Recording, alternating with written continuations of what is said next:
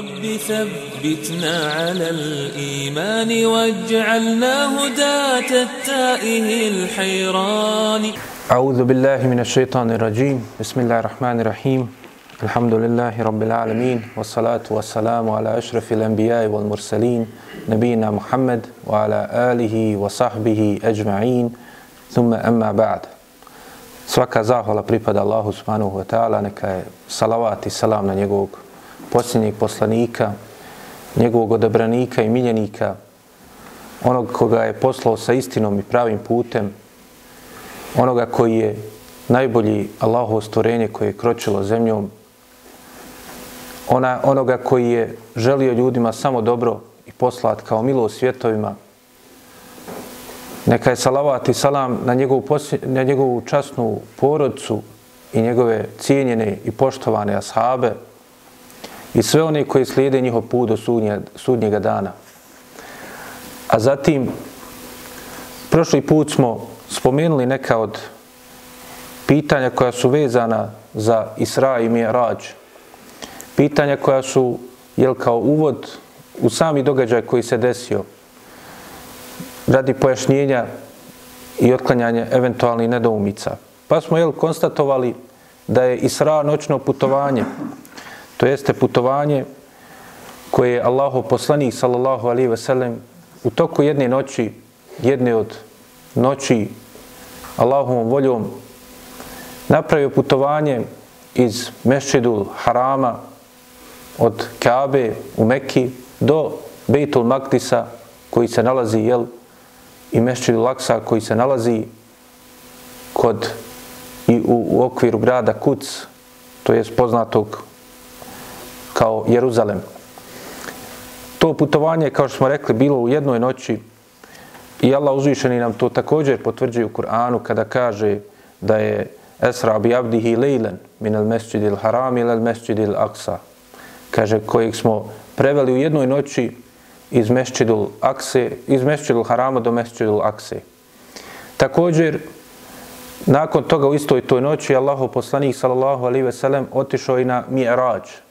Rekli smo mi rađ ili Oruđ jeste uzdizanje, što je potvrđuje i dodatno osnažuje vjerovanje ehli suneta vel džemata, kao što ćemo vidjeti kroz sami događaj, da je Allah uzvišeni iznad nebesa, odvojen od svojih stvorenja iznad svoga arša i da je Allah uzvišeni odlikovan potpunom uzvišenosti, savršenom uzvišenosti i da je to njegovo svojstvo subhanahu wa ta'ala. Nakon toga također smo rekli da je ovaj događaj prenešen i potvrđen i Kur'anom i sunnetom pa tako da je Allah uzvišeni u suri Isra koja je i naslovljena po noćnom putovanju, počeo sa ajetom koji govori o noćnom putovanju. A u suri Neđm spominje nam jel, dva događaja kada je Allahov poslanik sallallahu alaihi wasallam vidio Džibrila alaih salam u njegovom stvarnom liku. Prvi put, kao što smo to vidjeli, bilo je već na samom početku Islama, a drugi put je bilo u noći Mi'rađa. To jest vidio ga je iznad svih ti jel, nebesa i nakon toga putovanja na, kroz nebesa, na kraju je vidio kod Sidretul Munteha, vidio je Džibrila u njegovom stvarnom liku. I Allah uzvišeni nam jel to ispominje i kaže وَلَقَدْ رَعَهُ نَزْلَةً nezleten إِنْدَ سِدْرَةِ الْمُنْتَهَا I vidio ga je, kaže, drugi put kod Sidretul Munteha indeha džennetul me'wa. Kod njej, jel, kod tog Sidretul Munteha je to pravo boravište za vjernike, njihov istinski dom u koji će se vratiti nakon ovog kratkog putovanja kroz ovaj dunjaluk, koliko god ono trajalo, ono je u istinu kratko naspram vječnog boravka na onome svijetu. Dakle, tu pored Sidretul Munteha je džennet, istinski, istinsko boravište, istinski dom za svakog vjernika. I tu je, jel, bio Allahov poslanik sallallahu alaihi ve sellem. Također hadisi koji govori o ovom događaju su prenešeni mutevatir putem, to jest toliko ashaba i prenoslaca kroz generacije ga prenosi da nema sumnje u njegovo, njegovo da, da se desio taj događaj i nema sumnje u, u način kako je prenešen taj događaj do nas. A nakon toga jel, postavilo se pitanje kada je to bilo. Pa smo rekli jel, da ima mnoštvo mišljenja, spominje se preko deset mišljenja koja govori kada je se desilo to, kako i navodi Ibnul Hajar u tumačenju hadisa koji ćemo već, inšala večera spomenuti iz Buharije koji govori o ovom događaju. Dakle, preko deset mišljenja kada se to desilo.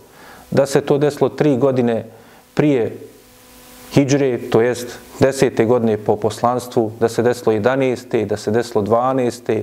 pa onda kada 12. pa spominje se da se desilo 16 mjeseci prije Hidžre, dakle godinu i pol prije Hidžre, znači negdje sredinom 12. godine, neki spominju da je krajem 12. godine, dakle neki 14 mjeseci prije Hidžre, neki spominju da se desilo na samom početku 13. godine, Neki spominju da se desilo 6 mjeseci prije hijđre, dakle imaju mnoštvo mišljenja. Po pitanju i čak i mjeseca ne zna se tačno u kojem je mjesecu. Spominje se da je to bilo u Ređebu, u drugim mišljenja se spominje da je to bilo u Rebiju Leualu, dakle ne zna se tačno i sigurno nije nam prenešeno ni godina kada se to desilo, niti mjesec, niti tačna noć u okviru bilo kojeg mjeseca. Pa dakle, to upućuje jel, da ovaj događaj nije dužnost naša da ga obilježavamo na bilo koji način, osim da praktikujemo ono što je Allahom poslaniku objavljeno u toj noći. A najveličanstvenije od svega toga što je objavljeno jeste da praktikujemo namaz. Jer je nakon ove noći jel, naređen muslimanima pet dnevnih namaza da ih praktikuju. Također i da vjerujemo ono o čemu nas je obavijestio Allahov poslanik sallallahu alaihi ve sellem kao što ćemo vidjeti od vrsta kazne koje je vidio za one koji su nepokorni Allahu od divnih uživanja pripremljeni za vjernike od onoga što je Allahov poslanik sallallahu alaihi ve sellem počašćen na ovom putovanju od raznih ajeta Allahovi koji je vidio da je klanjao u Betul Maktisu u jednoj noći prenešen pa onda klanjao i predvodio sve vjerovjesnike u namazu. Dakle, to su velike blagodati kojim je Allah uzvišni podario svome poslaniku. I to je ona istinska vrijednost i svega toga. A da je bilo vrijednosti u njegovoj oblježavanju te noći, nekom namazu, nekom ibadetu, zar je moguće da nam Allahu poslanik sallallahu alaihi ve sellem ne bi to dostavio, ne bi nas tome podučio ili njegovi ashabi, zar je moguće da oni to nisu prenijeli? ili da nisu to oni praktikovali. Sama činjenica da nije zabilježen ni tačan datum, kao što smo i govorili i o datumu rođenja Allahov poslanika, sallallahu alaihi ve sellem, i mnoštvo mišljenja koja govori i razilaženja kada je tačno se rodio Allahov poslanik, sallallahu alaihi ve sellem, osim što se zna da je se rodio u ponedljak i da je preporučio da se posti taj dan, ništa drugo jel, nam nije prenio. Što ukazuje jel, da onda nije dozvoljeno ništa o sebe izmiš, izmišljati po tom pitanju, inovacije neke uvoditi i, i obilježavati tu noć na takav način. A posebno kada vidimo jel, da mnoštvo onih koji obilježavaju tu noć zapostavljaju upravo ovu najveću stvar i najveličanstveniju stvar koja je vezana za ovu noć, a to je jel, pet dnevnih vakat namaza, kao što i zapostavljaju mnogi i sumnjaju mnoge stvari koje se vežu za događaje koji se desili ovoj noći, a vidjet ćemo inšala kako je veliku vrijednost tekao kod Allaha uzvišenog Ebu Bekra Sidik i od, ove, od ovog događaja je postao poznat kao Sidik, kao ona jel, istinoljubivi, zato što je povjerovao poslaniku sallallahu alaihi ve sellem u sve ono što je obavijestio prije nego što je čuo to od poslanika sallallahu alaihi ve sellem. Zato što je ubijeđen bio, likom se nam, da je istina sa onim što je došao Allahov poslanik sallallahu alaihi ve sellem. I da je to samo objava, da je to nešto što je čovjek dužan da vjeruje, da po tome radi, da to praktikuje. Zato i na samom početku sure Neđum se ispominje وَمَا يَنْتِكُ عَنِ الْهَوَا إِنْ هُوَ إِلَّا وَحْيٌ يُوهَا Poslanik sallallahu alejhi ve sellem prije što će nas Allah obavijesti da je vidio Džibrila jednom pa drugi put i da je bio jel i u džennetu, da je bio na onome svijetu, da je bio na Israu i Mirađu, Allah uzvišeni nas jel obavještava i kaže da on ne govori po hiru svome, Ko? Allaho poslanik. Ne govori po hiru svome, nego mu je to objava koja mu se objavljuje. Dakle, to je vjerovanje Allahom poslaniku, u stvari vjerovanje Allahu uzvišenom. I njegov govor je za nas sveta, sveta stvar po pitanju toga da ga vjerujemo u njega, da ne sumnjamo nimalo u njega i da potome radimo i da to što nam je poslanik sallallahu alaihi ve sellem preporučio praktikujemo, a ono na što nas je upozorio da se toga klonimo. Također, konstatovali smo da je poslanik sallallahu alaihi ve sellem ovo putovanje obavio i sa svojim tijelom i sa svojom dušom. Dakle, neispravno je mišljenje onih koji kažu da je poslanik sallallahu alaihi ve sellem ovo usnio ili da je samo svojim dušom bio, nije svojim tijelom. Da je to tako, ne bi, kao što ćemo vidjeti, mučnici sumnjali u to što je on obavijestio, ne bi se istakla ta vrijednost toga što je jel, Ebu Bekr povjerovao kada je rekao da je poslanik sallallahu alaihi ve sellem i kada je obaviješten da je poslanik sallallahu alaihi ve sellem obavio to putovanje u jednoj noći. Također, ne bi onda Allah uzvišen i ovom ajetu kojeg smo citirali sa početka sure Isra isticao taj događaj po posebnosti. Jer i ljudima, jel, kada sanjaju, svašta mogu sanjati. Iako su snovi poslanika istina i oni su dio objave od Allaha uzvišenog, ali veličanstvenost događaja je to što je poslanik, sallallahu alaihi ve sellem, sa ovoga svijeta otišao na onaj svijet. Što je prije svega jel, napravio noćno putovanje u tom vremenu nezamislivo, u jednoj noći da odeš preko hod, kako su oni računali, u tom vremenu je trebao jedno, jel, sa jednom jahalicom čovjeku prosječnom je trebalo mjesec dana hoda da posjeti to mjesto, da ode od Mekke do Jeruzalema, do Kuca.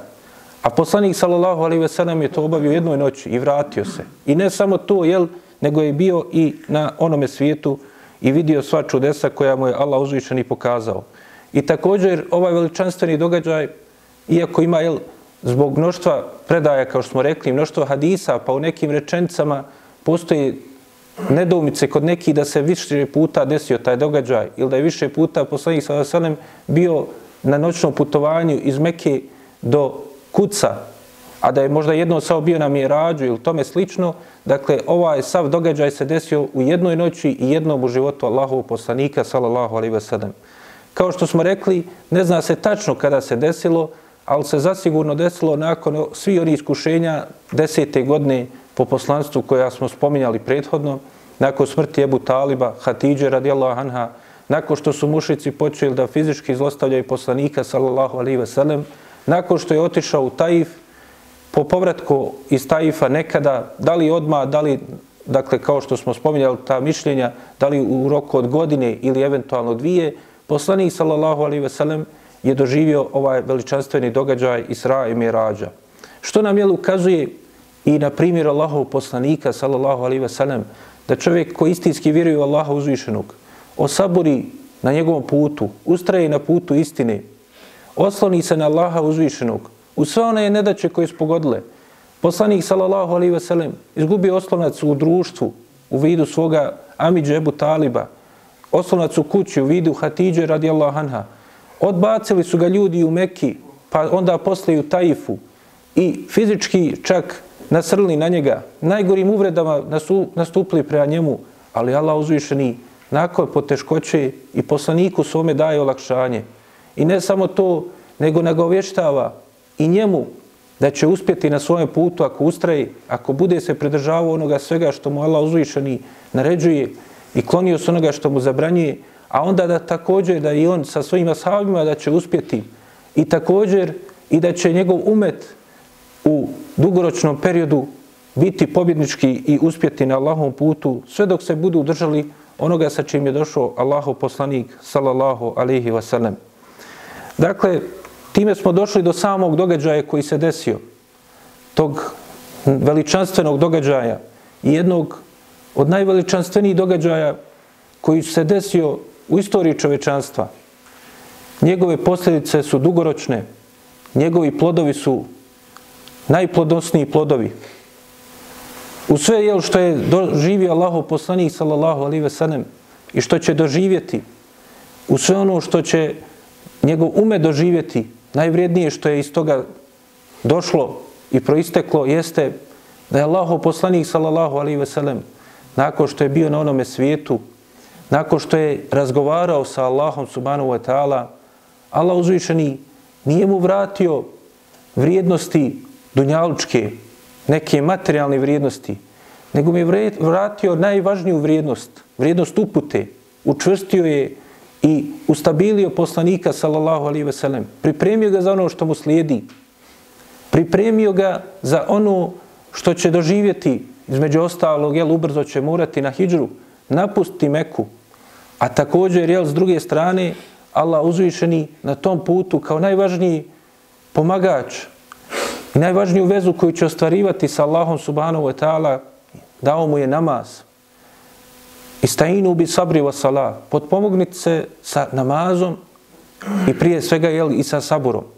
Dakle, to je ono što je najvažnije iz toga poruku koju nam šalje Allah uzvišeni preko svoga poslanika. Na vrijednost tog namaza.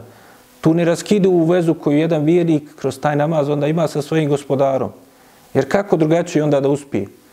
Sve što će postići Allahov poslanik sallallahu alaihi ve sellem, njegovi ashabi, najvažnija stvar u njihovim životima je upravo bio iman i vjerovanje u Allaha uzvišenog. A najvažniji plod tog imana bilo je to što su obavljali ve, namaz i održavali svoju vezu sa svojim gospodarem, dovijeći kroz namaz Allahu uzvišenom, istinski se oslanjajući na njega, vežući se za njega, a ne za te prolazne stvari. I zato jel, su postigli ono što su postigli.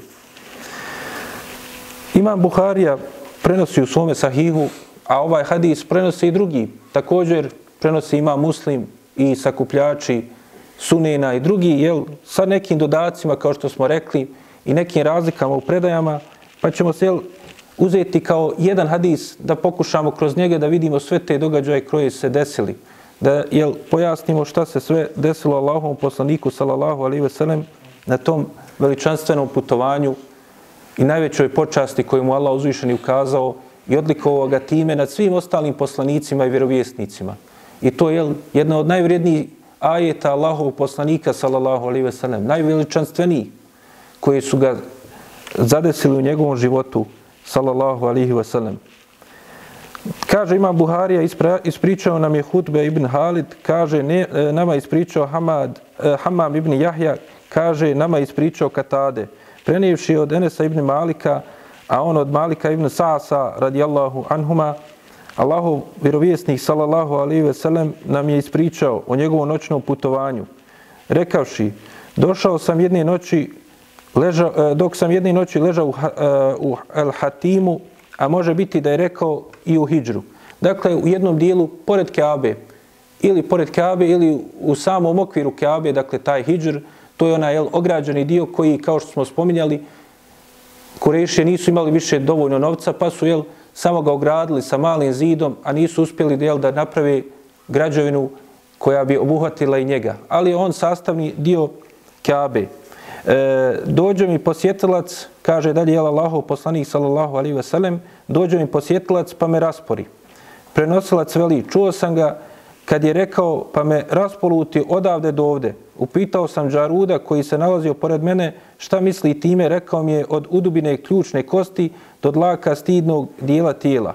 To jeste poslaniku sallallahu alaihi ve sellem su jel od ključne kosti do njegovi, kao što je ovdje došlo, do dlaka stidnog dijela tijela rasporena njegova prsa sallallahu alaihi ve sellem i to je bilo drugo, drugi put u njegovom životu da je, su rasporena prsa i da je Džibril alaihi selam došao Dakle, a on je taj posjetilac koji je došao Allahom poslaniku, sallallahu alaihi ve i onda mu, jel, izvadio srce i oprao ga kao što kaže se dalje u hadisu, a čuo sam ga i kada je rekao od vrha grudi do dlaka stidnog mjesta, izvadio mi je srce, potom mi je donesena zlatna posuda puna vjerovanja, imana. U drugim predajima došlo je također puna i mudrosti. Dakle, kao opis jel, imana koji predstavlja dakle, tu vrijednost u srcu koju čovjek nosi, najvrijedniju stvar koju ima. Dakle, ona je istinska mudrost, ona je istinska uputa, dakle, to je što je čovjek slijedi i radi po onome što, ra, što je sa čim je došao Allahov poslanik sallallahu alaihi wa. Kaže se, jel dalje, te mi je srce oprao i napunio ga vjerovanjem imanom, a onda ga vratio na svoje mjesto. Kaže su jednom od dodataka na ovaj hadis da je oprao Džibril alaihi njegovo srce sa vodom zemzem. I da je to bila priprema Allahov poslanika sallallahu alaihi wasallam za ono što će mu slijediti. Kod prvog pranja izveđeno mu je onaj ugruša preko kojeg je šeitan djelovo.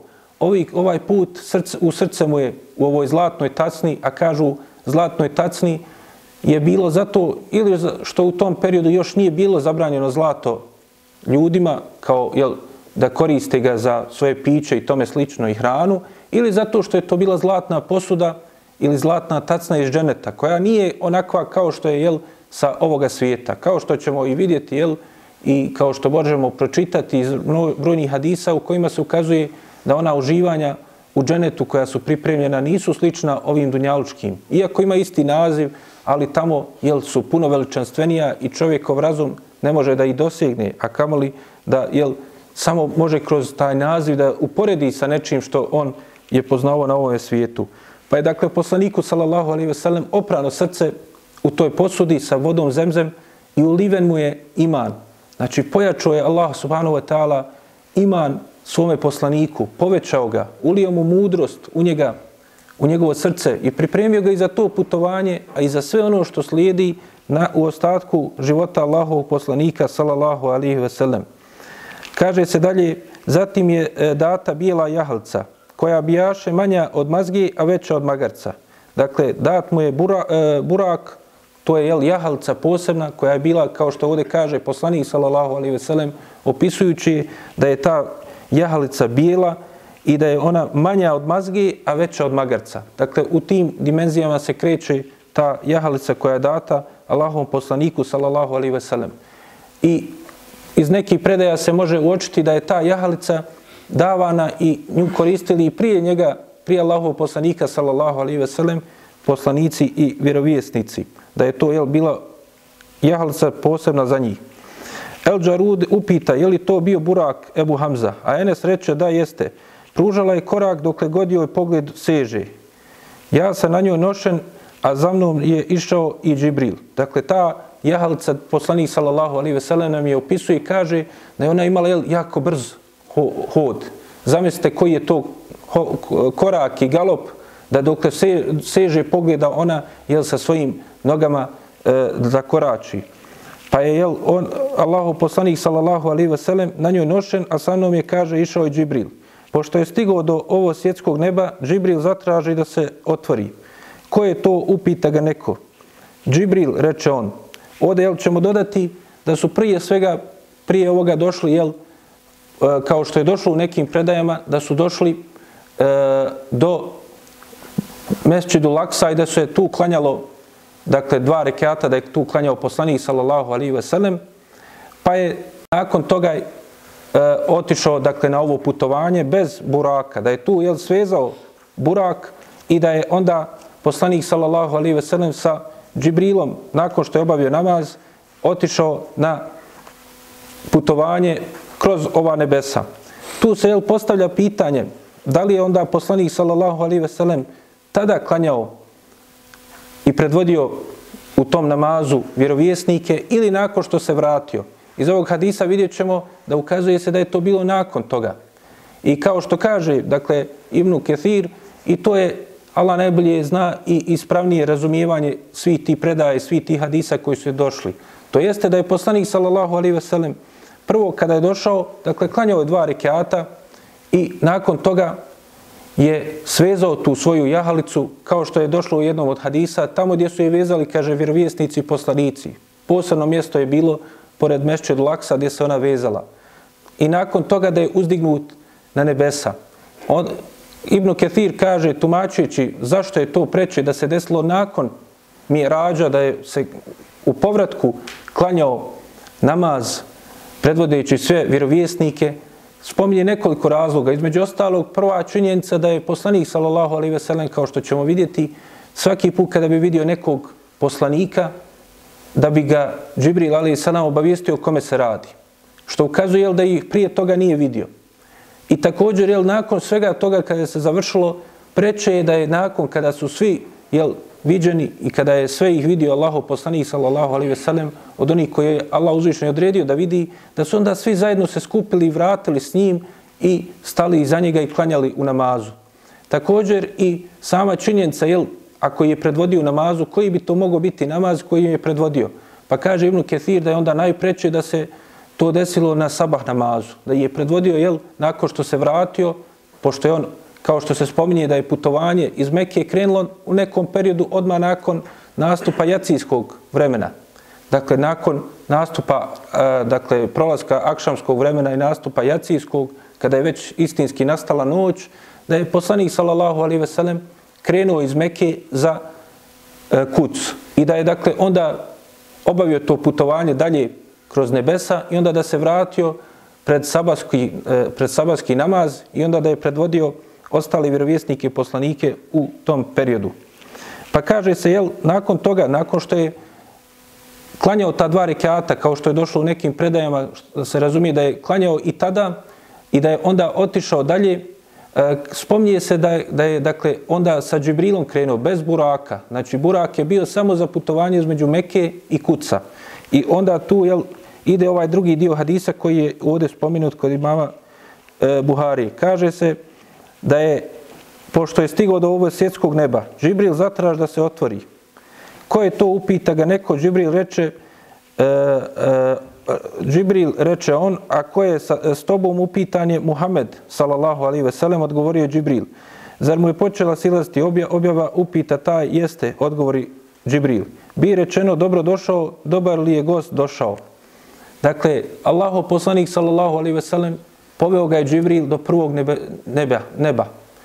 To jeste, iz toga se razumije ono što vjeruje ehli sunet val džemaat, da ova nebesa svaka, dakle, imaju na sebi vrata, kao što se vidi ovde, dakle, imaju lju, meleci koji čuvaju vrata, pa su oni jel otvorili ta vrata i onda je ušao, dakle, Džibril alaihi salam sa Allahovim poslanikom, sallallahu alaihi veselem. Također iz toga razumijevamo, jel, da sam, samo ovo nebo koje mi vidimo, da ono ima svoj krov. I to je ono dokle da ljudi još nisu još, jel, ni dokučili, istražujući, pokušavajući da dođu do nekih dokaza za svoje određene teorije kojima bi između ostalog i negirali Allahovo postojanje, oni još uvijek nisu dosegli do tog krova ovog dunjalučkog neba. I zbog toga jel, ne mogu da razumiju te veličanstvene Allahove ajete. Dakle, samo nešto od toga mi poznajemo, dakle, kao što vidimo iz ovog hadisa, dakle, da sama ta neba imaju svoj jel, krov, imaju na sebi vrata kroz koji ne može proći osim onog kome se jel, dozvoli. Kao što je ovdje jel, Džibril alaih selam sam je zatražio dozvolu da bi prošao sa Allahovim poslanikom sallallahu alaihi veselem. I kao što vidimo, jel, potvrđuje se da oni nisu znali, to jeste želi su da potvrde da li je to onaj kojim je počela da dolazi objava. Pa je Džibril a.s. obavijestio da jeste. Nakon toga su jel, zažalili dobrodošlicu Allahov poslaniku sallallahu alaihi veselem. Dalje se kaže, onda se nebo otvorilo. Kada sam ušao, ugledah Adema, ovo ti je prav otac Adem, uzvratio je, e, e, nazovim mu selam, reče mi Džibril. Nazvao sam mu selam i on mi je na njega uzvratio i rekao, dobro mi došao sine dobrog i dobri vjerovjesniče. Tu se spominje jel, da je Allah poslanik sallallahu alaihi ve sellem nakon što je došao do Adem alaihi selam u nekim od hadisa se spominje dalje da je, da je Adem alaihi selam imao dva čovjeka ili dvije skupine duša, kao što je došlo u nekim predajama, e, da je imao dvije skupine duša koje su s jedne strane bi se okrenuo sa svoje desne strane i pogledao i nasmiješio, a sa svoje lijeve strane bi pogledao i onda bi se rasplakao Allahov poslanik Adem alaihi salam. Pa kaže, u tim predajama se spominje da je Allahov poslanik sallallahu alaihi veselem upitao o čemu se radi tu, šta je mudrost toga, pa je obaviješten da se radi o tome jel, da su to duše onih koji su zaslužile da idu u dženet i duše koje zaslužile da idu u vatru. Pa je, jel, kada bi vidio one duše koje su za dženeta, obradovao bi se Adem, ali salam, a razočarao bi se kada bi vidio one koji su, jel, za džehenema. Pa dakle, e, iz toga se vidi, jel, da učenjaci kažu da je mudrost toga da se to pokazuje ponekad Ademu, ali salam, zato što, jel, znamo da duše koje su za dženeta i duše koje su za vatre, imaju svoje boravište kao što je došlo u drugim ajetima u kojima se pojašnjava ta stvar, ali se jel, ovdje Ademu ali i salam ukazuje jel, na sve ono kako je počelo, kako je on jel, izašao iz dženeta i napustio dženet svoje boravište i kako je jel, nakon toga se desilo ono što se des, desilo sa njim, a i onda jel, sa njegovim potomcima. Nakon toga Dalje se kaže da je, a, Džibril alaih salam se pope sa mnom, kaže dalje Allaho poslanik sallallahu alaihi ve sellem do drugog neba i zatraž da se otvore njegova vrata. Ko je to, upita neko, ja sam Džibril, reče on, a ko je s tobom, upita taj Muhammed, odgovori Džibril, zar mu je počela silaziti objava, upita taj, jeste, odgovorio je Džibril, bi rečeno, dobrodošao, dobar li je gost došao. Onda on otvori, kada sam ušao, ugleda Jahja, e, ugleda Jahja i Isa, alihima salam, koji su bili tečići. Ovo su Jahja i Isa, reče mi Džibril, nazovim selam. Ja im nazva selam i on mi uzvratiše na njega, a onda rekoše, dobro nam došao, dobri brate i dobri vjerovjesniče. Dakle, na drugom nebu je Allahov poslanik sallallahu alaihi ve sellem vidio Jahju alaihi salam i Isa alaihi salam. Od nekih stvari koje se spominju također po pitanju prvog neba, dakle tog zemaljskog, ovo zemaljskog, dakle prvog neba, koji na, odmah iznad nas se nalazi, jeste da je Allahov poslanik sallallahu alaihi ve sellem vidio na njemu neke od vrsta kazni kojim Allah uzvišeni kažnjava neke od svojih robova koji su bili nepokorni i griješni. Pa se spominje da je, kaže, vidio ljude koji, hadisu kojeg nam prenosi Bejheki u Delajlu Nubuve se spominje, dakle, to su sve predaje oko koji ima dakle, razilaženja po pitanju vredostojnosti, ali su njihova značenja, dakle, i poruke koje se kriju u njima, dakle, su ispravne, dakle, da Allah uzvišeni svakoga kažnjava naspram njegovog načina kako je griješio, odgovarajućom kaznom. Pa kaže, vidio je skupinu ljudi kojima je, su usta bila i usne bile poput devini, debele, velike usne. I kaže, u svojim rukama bi držali kamenje od užarene vatre. I kaže, gutali bi to kamenje, a ono bi onda izlazilo na njihov otvor, jel, na njihov stražni otvor. Pa kaže, upitao je poslanik sallallahu alaihi wasallam Džibrila, kaže, ko su ovi? Pa kaže, to su oni koji su nepravedno jeli imetak jetima.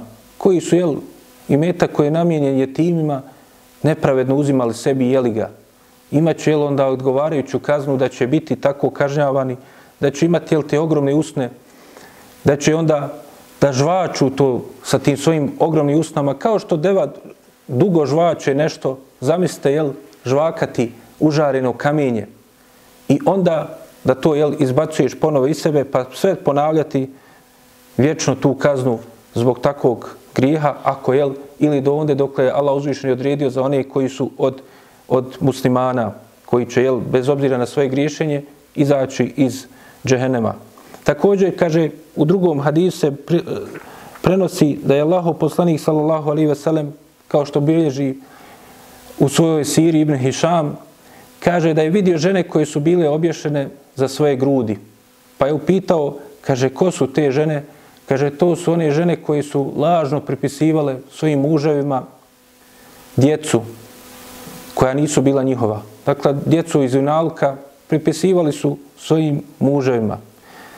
U trećoj predaji se spominje da je Allaho poslanik sallallahu alaihi ve sellem vidio stanje onih, kao što bilježi Imam Ahmed i drugi, e, e, i također je Ebu Davud u svome sunedu, bilježi i jedan i drugi i mnogi drugi e, dakle, sabirači hadisa Allahov poslanika sallallahu alaihi ve sellem spominju stanje oni koji su gibetili ljude, prenosili tuđe riječi i govorili o svojoj braći ono što nije. spominje se da je Allaho poslanik sallallahu alaihi ve sellem vidio kako su, kaže, imali također velike usne i velike jezike. I kaže, onda bi makazeo željezne i velike sjekli im te njihove jezike i njihove usne a oni bi žestok bol doživljavali od toga. Pa kaže, onda bi se ponovo te usne i ti jezici vratili na njihovo mjesto, pa bi im se opet sa tim makazama sjekli i kaže, to i ništa nije umanjivalo od kazne. Poslanik, sallallahu alaihi wasallam, je pitao Džibrila ko su oni, pa je Džibril alaihi wasallam rekao, to su oni, kaže, koji su jeli meso svojih ljudi, to jest meso svoje braće, i kaže udarali na njihovu čast, dakle tim gibetom i prenošenjem riječi od njih. Također se spominje i stanje ljudi koji su zina, zinalučili i činili zinaluk. Pa kaže se u predaji koji također spominje Ibn Hišam u svojoj siri i Bejheke u Delajlnu Nobuve, spominje se da je poslanik sallallahu alaihi ve sellem vidio ljude koji su imali u svojoj jednoj ruci zdravo meso, meso koje je, kaže, dobro skuhano, lijepog mirisa, a u drugoj ruci bi, kaže, držali meso koje je bilo pokvareno, koje je smrdilo, koje je, dakle, već počelo da truni, pa kaže, jeli bi to meso koje je pokvareno, to trule, smrdljivo meso, a ostavljali ovo drugo meso. Pa je poslanik, sallallahu alaihi ve sellem, upitao, ko su ti, o Džibrile, pa kaže, to su oni, kaže, koji su ostavljali ono što je Allah uzvišeni ohalalio, a išli uzimali ono što im je Allah uzvišeni oharamio. To jeste, koji su činili blud, koji se, jel, nisu šerijetski vjenčavali, nisu imali odnose sa onima koji su im halal, nego su imali sa onima kojima im je zabranjeno. Također vidio je Allahov poslanik sallallahu alejhi ve sellem i stanje onih kao što također je to spominje Bejhak u Dalajnu Nubuve i u svojoj siri Ibn Hišam, stanje onih, kaže, koji su jeli kamatu. Pa kaže, vidio je, kaže, kako jedu kamenje i kaže, imaju ogromne stomake, kaže, od koji se nisu mogli da pomjeri. Pa kaže, punili bi sa tim i ne bi jel mogli da se pomjeri i neprestano bi nastavljali da jedu. Kao što su jel na ovom dunjalku jeli kamatu, pa je, kaže, upitao Džibril a.s. ko su ti, kaže, rekao je Džibril a.s. to su oni, kaže, koji su jeli, jeli kamatu i, dakle, nisu vodili računa kako stiču na faku na ovome svijetu. Dakle, to je ono što se spominje da se da je Allaho poslanik sallallahu alaihi ve sellem vidio vrsti kazni.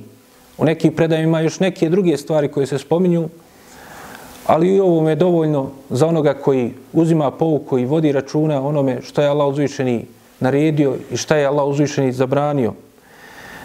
Nakon toga je poslanik sallallahu alaihi ve sellem podignut na drugo nebo koje smo također vidjeli da ima svoja vrata i da je dozvoljeno i njemu i Džibril da uđu, da uđu. Pa je tamo vidio Jahju i, i Isa, ali salam, koji su tečići, jel, koji su, e, dakle, e, imali, jel, kao što ćemo vidjeti, svaki od ovih poslanika i vjerovjesnika ima svoju mudrost zašto su spomenuti.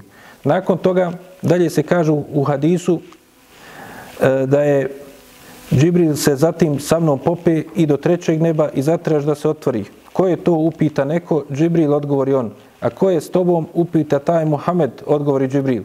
Zar mu je počela silasti objava? Upita taj jeste, odgovori Džibril. Tada bi rečeno, Dobro došao, dobar li je gost došao? Onda se nebo otvorilo kad sam ušao ugleda Jusufa. Ovo je Jusuf, nazovi mu selam.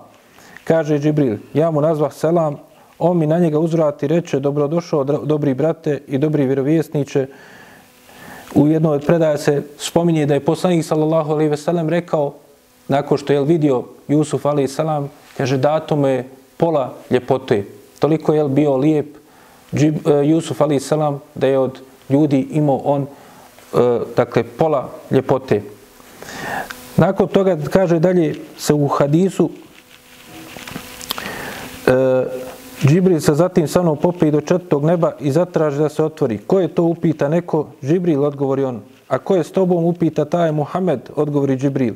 Zar mu je počela silaziti objava? Upita ta jeste? Odgovori e, Džibril. Tada bi rečeno dobrodošao, dobar li je gost došao? onda se nebo otvorilo kada sam ušao ugleda Idrisa alaihi selam. Ovo je Idris, nazovi mu selam, reče Džibril. Nazvah mu selam, on mi na njega uzvrati reče dobrodošao dobri brate i dobri vjerovjesniče. Zatim Džibril se e, sa mnom pope i do petog neba i zatraž da se otvori. Ko je to upita neko? Džibril odgovori on. A ko je s tobom upita taj Muhammed? Odgovori Džibril. Zar mu je počela silasti objava upita taj? Jeste, odgovori Džibril. Tada bi rečeno, dobrodošao, dobar li je gost došao. Onda se nebo otvorilo. Kada sam ušao u Haruna, ovo je Harun, ali i salam, nazovi mu salam, reče Džibril. Nazvah mu selam i on mi na njega uzvrati i reče, dobrodošao, dobri brate i dobri vjerovjesniće. Džibril se zatim sa mnom popije do šestog neba i zatraž da se otvori. Ko je to upita neko? Džibril, odgovori on. A ko je s tobom upita taj? Muhammed, odgovori Džibril. Zar mu je počela silaziti objava upita taj? Jeste, odgovori Džibril. tada bi rečeno dobrodošao, dobar li je gost došao. Onda se nebo otvorilo kada sam ušao, ugleda, ugledao sam Musa. Ovo je Musa, nazovi mu selam, reče Džibril. Nazvah mu selam, on mi na njega uzvrati, reče, dobrodošao, dobri brate i dobri vjerovjesniče. Kada sam pošao od njega, on zaplaka. A zašto plačeš? Upita ga neko. On reče, plačem zbog toga što će umet tog mladića koji je poslat posle mene biti bredniji od mog umeta. Kažu učenjaci, tumačujući ove riječi, jel, Musa alaih salam, to jeste, Musa alaih salam nije zavidio Allahom poslaniku, salallahu alaih veselam. Niti je tio da umanji njegovu vrijednost, nego mu je bilo žao zašto je njegov narod, iako je, jel, odlikovao ga Allah uzvišeni svima onim što je ga odlikovao, na kraju se nije pokorio i nije ga slijedio kao što je slijedio narod Allahov poslanika Muhameda sallallahu alaihi ve sellem koji jel, će imati najbrojnije pre, e, sljedbenike, a na, zatim nakon njega jel Musa alaihi salam. I to što je rekao mladić nije da bi umanjio vrijednost Allahov poslanika sallallahu alaihi ve sellem, nego da ukaže dakle, da je on bio taj jel, mladić časni kojeg su ljudi na kraju jel, slijedili i odazvali se njegovom pozivu. Nakon toga se kaže dalje u hadisu e, da je Džibril se zatim sa, sa mnom pope i do sedmog neba i zatraži da se otvori. Ko je to upita neko Džibril, odgovori on. A ko je s tobom upita taj Muhammed, odgovori Džibril. Zar mu je počela silaziti objava, upita taj, jeste, odgovori Džibril, tada bi rečeno, dobro došao, dobar li je gost došao. Onda se nebo otvorilo, kada sam ušao, ugledao sam Ibrahima,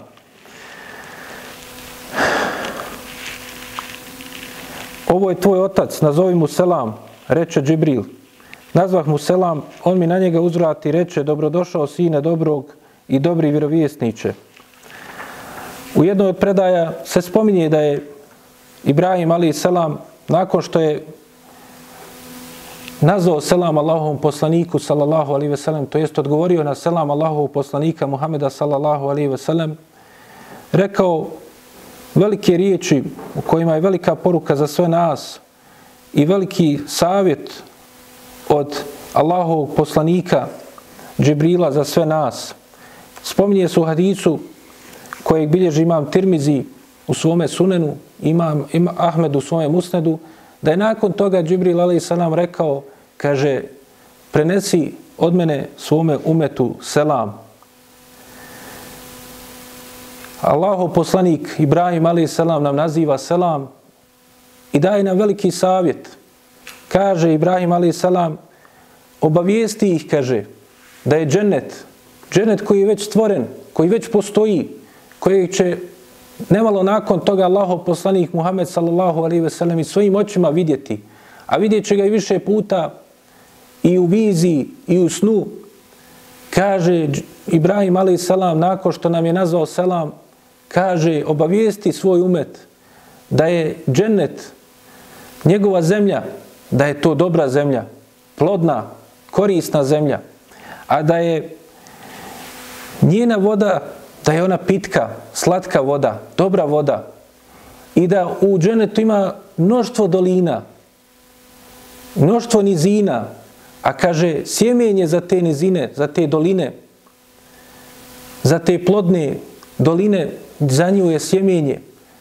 Zasadi za te plodne doline jesu velike riječi zikra ispominjala Allaha subhanahu wa ta'ala, a to su riječi subhanallah, riječi kojima čovjek otklanja i potvrđuje Allahovu subhanahu wa ta'ala savršenstvo i uzvišenost i da je on čist od bilo kakvog nedostatka i manjkavosti.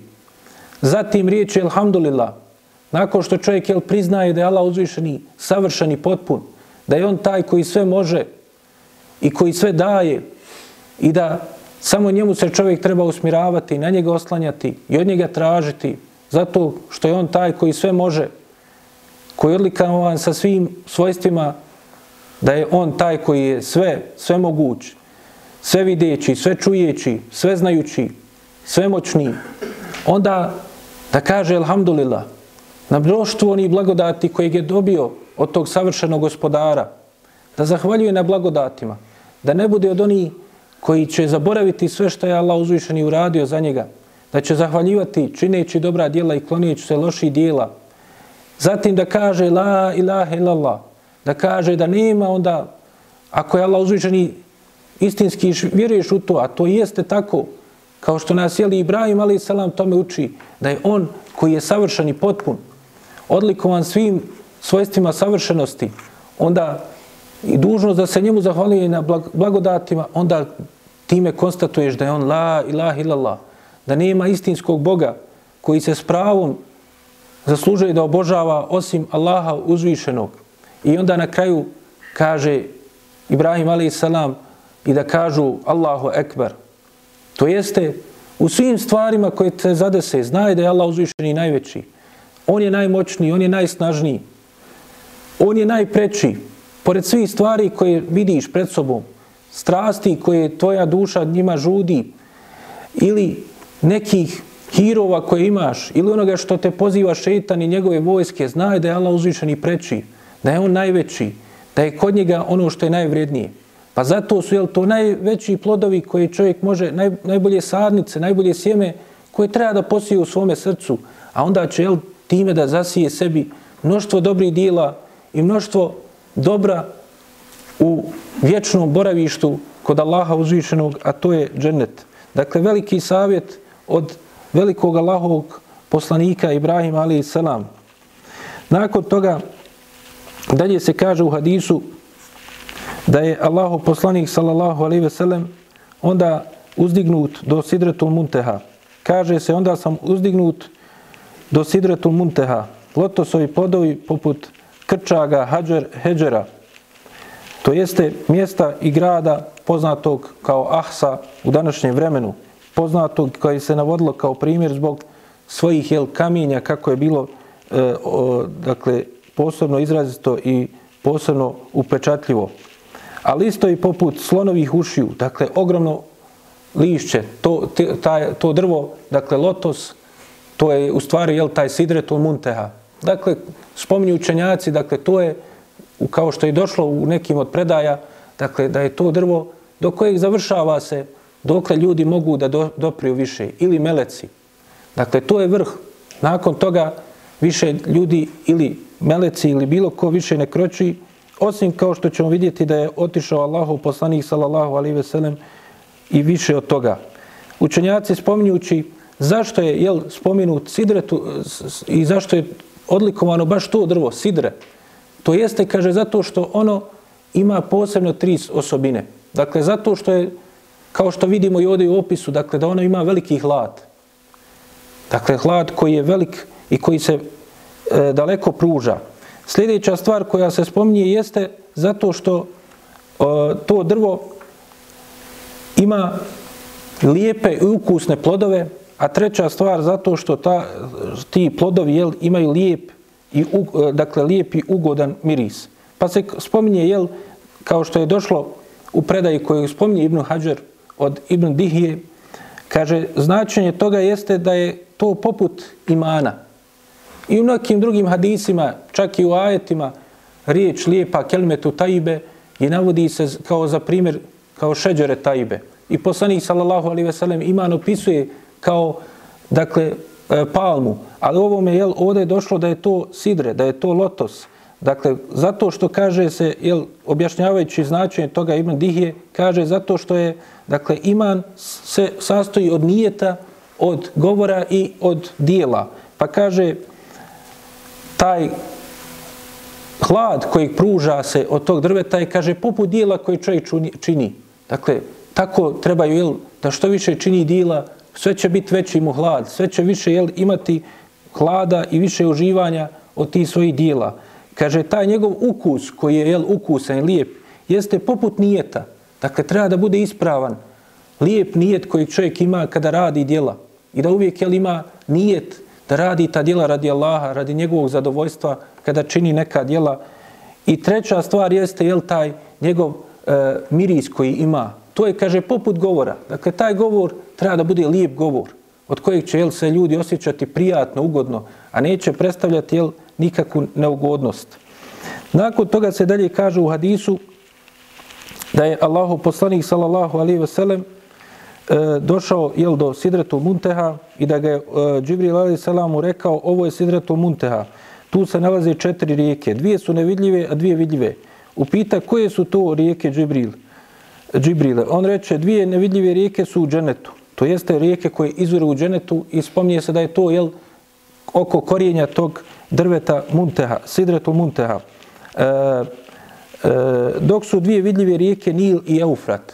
Isto ga kažu učenjaci i spominju mudrost, to jeste da će se dženet, da, da će se e, islam posebno jel, isticati i u, ukorijeniti oko te dvije rijeke. Dakle, rijeke Eufrat koja se nalazi na području i zahvata područje današnjeg Iraka, Sirije, djelimično Turske, a također jel, rijeka Nil koja se pruža od Egipta prema Sudanu ka jugu. Dakle, to su jel, dvije i danas dan posebne isti, eh, istaknute rijeke oko koji se nalaze i velike plodne zemlje koje su jel, imaju veliku vrijednost ljudima i sa materijalne strane, a i poznate su jel, kao veliki, eh, odatle potiču veliki broj muslimana i velike civilizacije muslimanske kroz vrijeme koje će doći jel, tek nakon ovoga, što je jedan od znakova poslanikovog vjerovjesništva, što je još u to vrijeme obavještava sahabe da će doprijeti do tih područja i da će islam ne samo doći do otle, nego da će se ukorijeniti, utemeljiti na tim područjima. Potom su mi donesene tri posude. Posuda s vinom, posuda s mlijekom i posuda s medom. Ja sam uzeo posudu s mlijekom. Kao što smo rekli, ali prijedhodno ovo što se spominje vino, to je kažu učenjaci, misli se na to dženecko vino, koje jel, nije opijajući, koje nema svojstva osim jel, naziva u tome sa onim što je u dženetu pripremljeno. I zato je, dakle, ovdje se spominje ta vrsta vina, pa kaže se dalje da je poslanik sallallahu alaihi ve sellem rekao, ja sam uzeo posudu s mlijekom, pa mi je rečeno, to jest rekao moj Džibril, to je čista vjera koju ćete slijediti ti i tvoji sljedbenici. To jest rekao moj, to je fitra, izabrao si fitru, to jest izabrao si čistu vjeru, izabrao su istrajnost na Allahove vjeri, izabrao si onaj svijet, to jeste taj ahiret naspram Dunjaluka, izabrao si vječni život i vječna uživanja naspram prolazni uživanja, izabrao si ono što je istinska vrijednost na ovome svijetu naspram prolaznih vrijednosti, a to je dakle vrijednost imana, vrijednost vjerovanja i svega onoga što proizilazi iz njega, bez obzira koliko čovjek je imao od ovoga Dunjaluka. E, nakon toga kaže se tom prilikom mi je naređen namaz, 50 namaza svaki dan. U drugim predajama se spominje da je poslanik sallallahu alejhi ve sellem nakon što je došao jel, do Sidretul Munteha, e, da je nakon toga jel, poslanik sallallahu alejhi ve sellem nastavio dalje, da je Džibril alejhi selam tu skrušeno se Allahu uzvišenom obratio, a onda rekao poslaniku sallallahu alejhi ve sellem da on nastavi sam, da on ne može dalje odatle da on jel, ide dalje nakon sidretu munteha Allahu uzvišenom. Pa je Allahu poslanik sallallahu alaihi ve sellem došao do onda dokle je Allah uzvišen odredio, odredio da dođe, dakle nakon na, na tim samim vrhovima sedmog neba i onda se Allah uzvišen je obratio svojem poslaniku Muhammedu alaihi salam. I time ga odlikovao da je uz Musa alaihi salama on bio taj s kojim je jedino Allah uzvišen i direktno pričao bez posrednika. I ne samo to, nego da je to uradio jel, na ovome mjestu. I također isto ga jel, vidimo da je Allah uzvišeni istinski odlikovan svojstvom govora. Da je istinski Allah uzvišeni govori i da se obratio svome poslaniku Muhammedu sallallahu alaihi ve sellem. I onda mu je tom prilikom propisao 50 namaza. Pa kaže se jel, da je nakon što je naredio i tako što mu je Allah uzvišeni naredio namaz, 50 namaza svaki dan, Kaže dalje poslanik sallallahu alaihi ve sellem kada sam se kada sam vraćajući se naišao pored Musa alejhi selam on me upita šta ti je naređeno? 50 namaza dnevno odgovori. On reče tvoji sjedbenici neće moći klanjati 50 namaza svaki dan. Ja sam tako mi Allah iskusio ljudi prije tebe i mnogo truda uložio se Izraelcima. Zato se vrati svome gospodaru i zamoli ga da olakša tvojim sjedbenicima. Vratio sam mu se i on mi je umanjio za 10 namaza. Kada sam naišao pored Musa, on je isto, tako, isto rekao. Te sam se ponovo vratio svojem gospodaru i on mi je umanjio za još des namaza. Kada sam ponovo naišao pored Musa, on mi je isto rekao. Te sam se opet vratio svojem gospodaru i on mi je umanjio za još deset. Kada sam ponovo naišao pored Musa, ali i selam, on mi je rekao isto. Povratio sam se svome gospodaru pa mi je naređeno deset namaza svakog dana i noći. Kada sam ponovo naišao pored Musa, on mi je isto rekao opet sam se povratio pa mi je naređeno pet namaza svakog dana i noći. Kada sam nakon toga naišao pored Musa, on me upita šta ti je sada naređeno, rekao sam pet namaza svakog dana. On reče, tvoji sljedbenici neće moći klanjati pet namaza svakog dana. Ja sam iskusio ljude prije tebe i uložio ogromne napore sa Izraelcima. Zato se vrati svoje gospodari i moli ga da, te, da, te umanji, da to smanji tvojim sljedbenicima. Rekao, ja sam volio svoga gospodara sve dok se nisam postidio. Ja sam s ovim zadovoljan i pokoravam mu se. Kada sam pošao, glas je povikao, završio sam propisivanje svog farza i olakšao sam svojim robovima. Da Allah nagradi Musa alaih salam koji je olakšao nam i dao da umjesto 50, dakle, savjetovo svoga brata, poslanika Muhameda sallallahu alaihi ve sellem da se vraća i Allah uzvišen je dao preko njega jel da nam se broji ovi pet namaza kao klanja, koje je klanjao upravo u vrijednosti ti 50 namaza. I dakle, to je velika vrijednost kojom je odlikovan ovaj umet. I nešto najvrijednije sa čim se vratio Allahov poslanik sallallahu alihi ve sellem nakon toga što je jel, bio na Israu i Mirađu. Nakon toga je poslanik sallallahu alihi ve sellem se dalje kaže u predajama vratio sa Džibrilom alihi selam do Bejtul Maktisa. I tu je kao što je došlo u hadisima kod imama Muslima i drugi, onda se klanjao zajedno sa ostalim vjerovjesnicima i poslanicima namaz.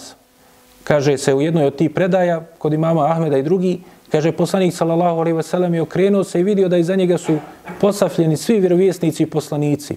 I da je poslanik sallallahu alejhi ve sellem predvodio u namazu. Dakle, to ukazuje da je poslanik sallallahu alejhi ve sellem predvodnik svih vjerovjesnika i poslanika. Da je on njihov imam, imam. Da je on najvredniji Allahov poslanik i vjerovjesnik.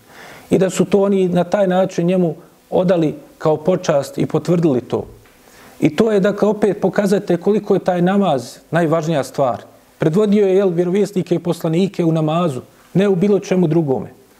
Što ukazuje, jel, na vrijednost i važnost namaza u životu jednog vjernika. Također, kažu učenjaci, dakle, kao što smo vidjeli, da se to desilo nakon povratka, dakle, nakon što je poslanik, sallallahu alaihi ve sellem, se vratio u Bejtul Maktis.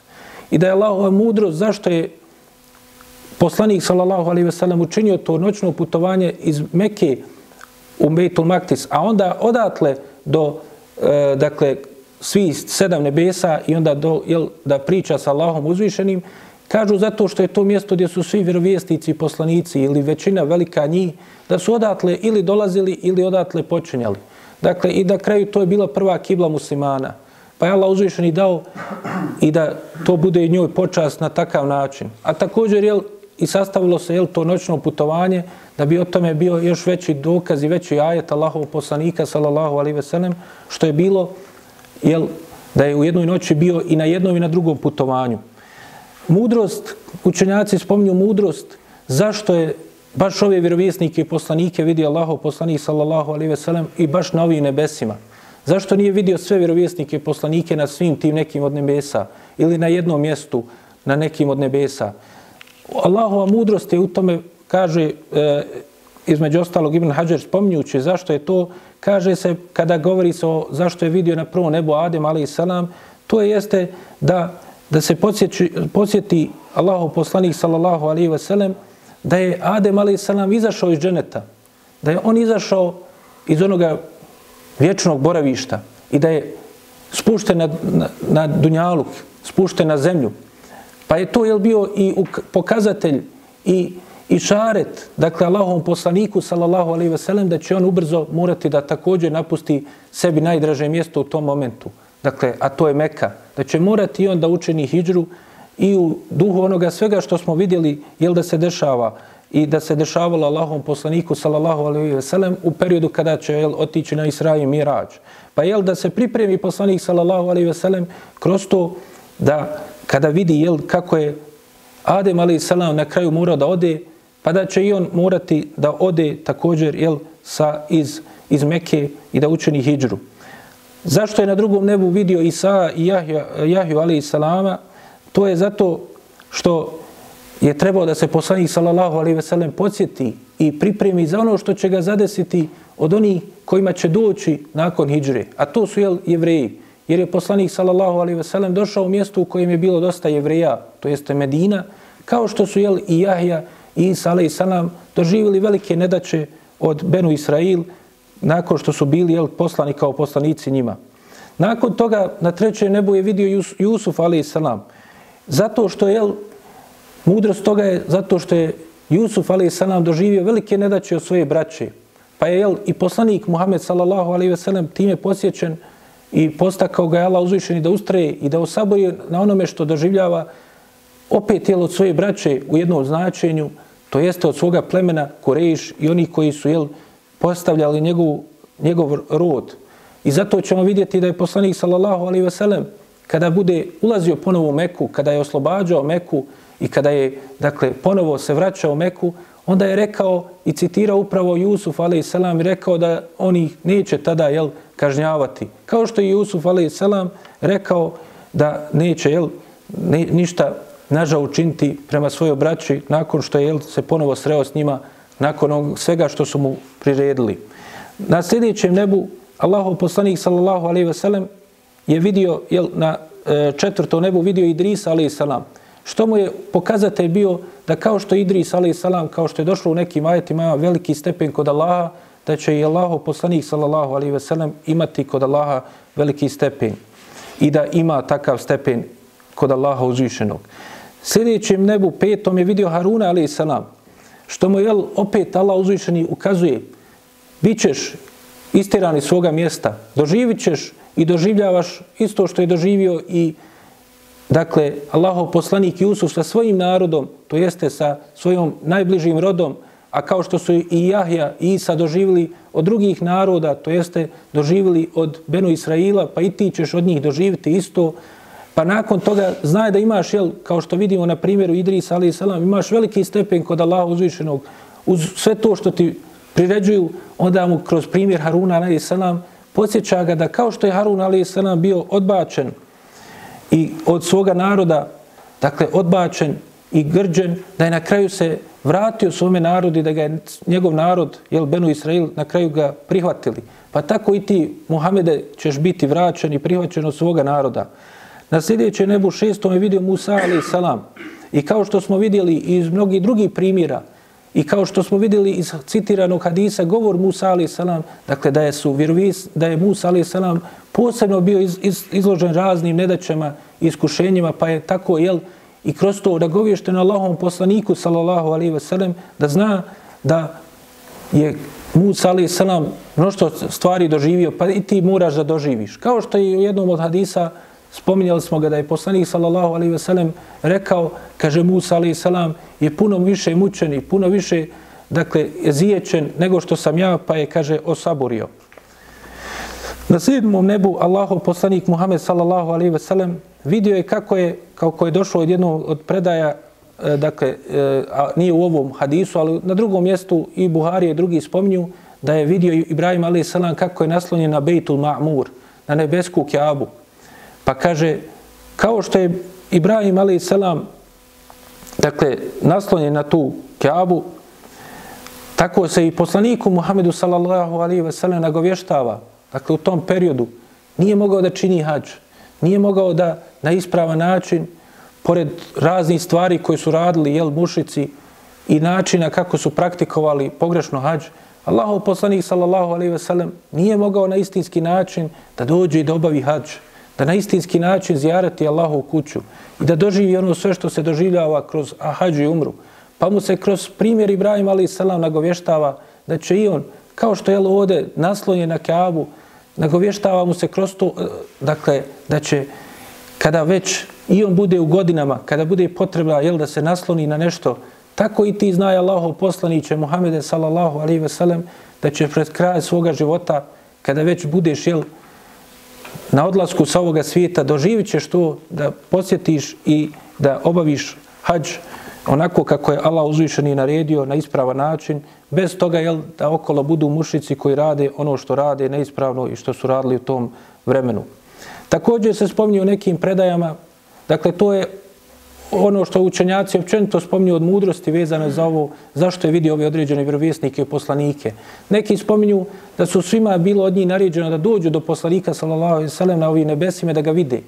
Oni dakle su došli svojim dušama, osim Isa alejhi salama, svi su oni na dunjalku u svojim kaburima bili.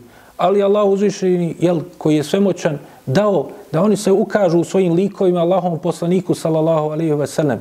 Neki spominju dakle da je svima bilo naređeno Pa su jel, neki samo uspjeli da stignu da vide poslanika sallallahu alaihi ve sellem i zato jel, nas određeni od ti nebesa kako je ko jel stizao da vidi Allahov poslanika sallallahu alaihi ve sellem. Ali preče je ovo što je spomenuo Ibn Hajar od mudrosti toga. Također, jel, i s time ćemo inšala završiti, spominje se samo neki od primjera šta je vidio poslanik sallallahu alaihi ve sellem u džennetu. Pa kaže, spominje se da je poslanik sallallahu alaihi ve sellem nakon što je jel, došao kao što je došlo u nekim od predaja ovoga hadisa, do Sidretu Munteha, onda je otišao i vidio i pokazano mu je dženet i uživanja koja su pripremljena za dženetlije. Pa je tamo, jel, između ostalog se spominje da je vidio rijeku Keuser. Dakle, vidio je veličanstvenu rijeku Keuser koja se spominje, jel, inna a taj nakel Keuser, spominje se, jel, sura posebna koja govori o veličanstvenosti te rijeke, o veličanstvenosti njenog izgleda i njenih ukrasa, dragulja koja je odlikovana i, i, i najbolje i najljepše vode koju čovjek može popiti. Također, spominje se da je poslanik sallallahu alaihi ve sellem vidio, a dakle hadisi koji govori o Kevseru, naćete mnoštvo hadisa kod Buharije, u mnogim mjestima spominje opis nje, to je rijeke, također da je vidio e, robinju ili e, huriju koja koju je Allah uzvišeni pripremio za Zejda ibn Haritha radijallahu anhu. Pa kaže, poslanik sallallahu alaihi ve sellem došlo je da je e, vidio e, kao što je došlo u hadisu kojeg spominje Zehebi a Šeha Albani kaže da je vjerodostojan da je vidio dakle tu lijepu djevojku koja je dakle pripremljena za Zejda ibn Haritha pa je upitao poslanik sallallahu alaihi ve sellem nakon što je rekao da je, da je, da je prelijepa izgledala pitao je Džibrila kaže ko je ova i za koga je? Pa kaže rekao je Džibril a.s. da je ona, kaže, pripremljena za Zejda ibn Harithu. Dakle, vidjeli smo šta je sve on doživio sa poslanikom, sallallahu alaihi sellem, kako je u Tajifu branio poslanika, sallallahu alaihi sellem, svojim tijelom. Dakle, onda je i zaslužio to što je zaslužio kod Allaha uzvišenog i kao što ćemo vidjeti kako je preselio kao šehid i borac na Allahovom putu u bitci na Muti. Također, jel, spominje se da je e, vidio i čuo u jednom predaji se spominje da je čak čuo glas Bilala radijallahu anhu, a u drugim predajama se spominje da je čuo dakle, e, korake Bilala i njegove dakle, odijek od njegovih papuča u dženetu. Pa je upitao Džibrila, ali i salam, a taj hadis o tome govori se, jel, čak i kod Buhari u muslimu, dakle, da je upitao Džibrila zašto i, i čiji su tu zvukovi, pa kaže, rečeno mu je da je to zvukovi od Bilala radijallahu anhu. Pa kaže se da je uh, poslanik sallallahu alaihi veselem kao što bilježi ima Buharija, ima muslim u svojim sahihima, upitali, uh, da, da je upitao Bilala kako je stigao i dostigao veliki stepen kod Allaha, o kojem je poslanik sallallahu alaihi veselem obaviješten. Dakle, da je on od dženetlija, još na Dunjaluku. Pa kaže se da je e, poslaniku sallallahu alaihi veselem Bilal odgovorio, kaže, ne znam čime bi mogao to zaslužiti, osim što ja kada god abdestim, onda odem i klanjam da, dva rekiata nakon što klanja, dakle nakon što u bilo kojem periodu dana ili noći kaže uzmem abdest. Pa kaže nadam se da je od toga i dakle zato što je između ostalog jel, Bilal ali radi Allahanu se trudio da uvijek bude na abdestu i uvijek ponavljao abdest i onda kada bi jel, obnovio abdest onda bi e, dakle klanjao uvijek dva rekiata nakon toga, što je ukazuje ponovo kolika je vrijednost dakle tih e, obavljanja i na fila uz praktikovanje pet redovnih namaza. Dakle, nakon toga je poslanik sallallahu alejhi ve sellem vratio se do Mešćidu Laksa, videli smo onda da je klanjao tu, kao što je Allah najbolje zna, najispravnija predaja da je, da je klanjao sabah namaz i nakon toga je brzo vraćen iz Bejtul Maktisa, iz Kuca, vraćen je do Mekke. Ponovo, jel, na Buraku ga je vratio Džibril a.s. a onda je poslanik sallallahu alaihi ve sellem bio u nedoumici kako da obavijesti ljude o svemu tome što je vidio. Znao je da će biti teško ljudima da to povjeruju. Inša Allah, o tome ćemo govoriti sljedeći put. Molim Allaha subhanahu wa ta'ala da nam poveća ljubav prema Allahom poslaniku sallallahu alaihi ve sellem, da nas učini od njegovih istinskih sljedbenika. Molim ga subhanahu wa ta'ala svim njegovim lijepim imenima i uzvišenim svojstvima da pomogne muslimane na svakom mjestu, da izbavi posebno one koji su zatvoreni nepravedno od naše uleme i pozivača u Allahu subhanahu wa ta'ala vjeru. Molim ga subhanahu wa ta'ala da uputi i nas i naš narod. Amin. Subhanike Allahume bihamdike. أشهد أن لا إله إلا أنت أستغفرك وأتوب إليك. رب ثبتنا على الإيمان واجعلنا هداة التائه الحيران.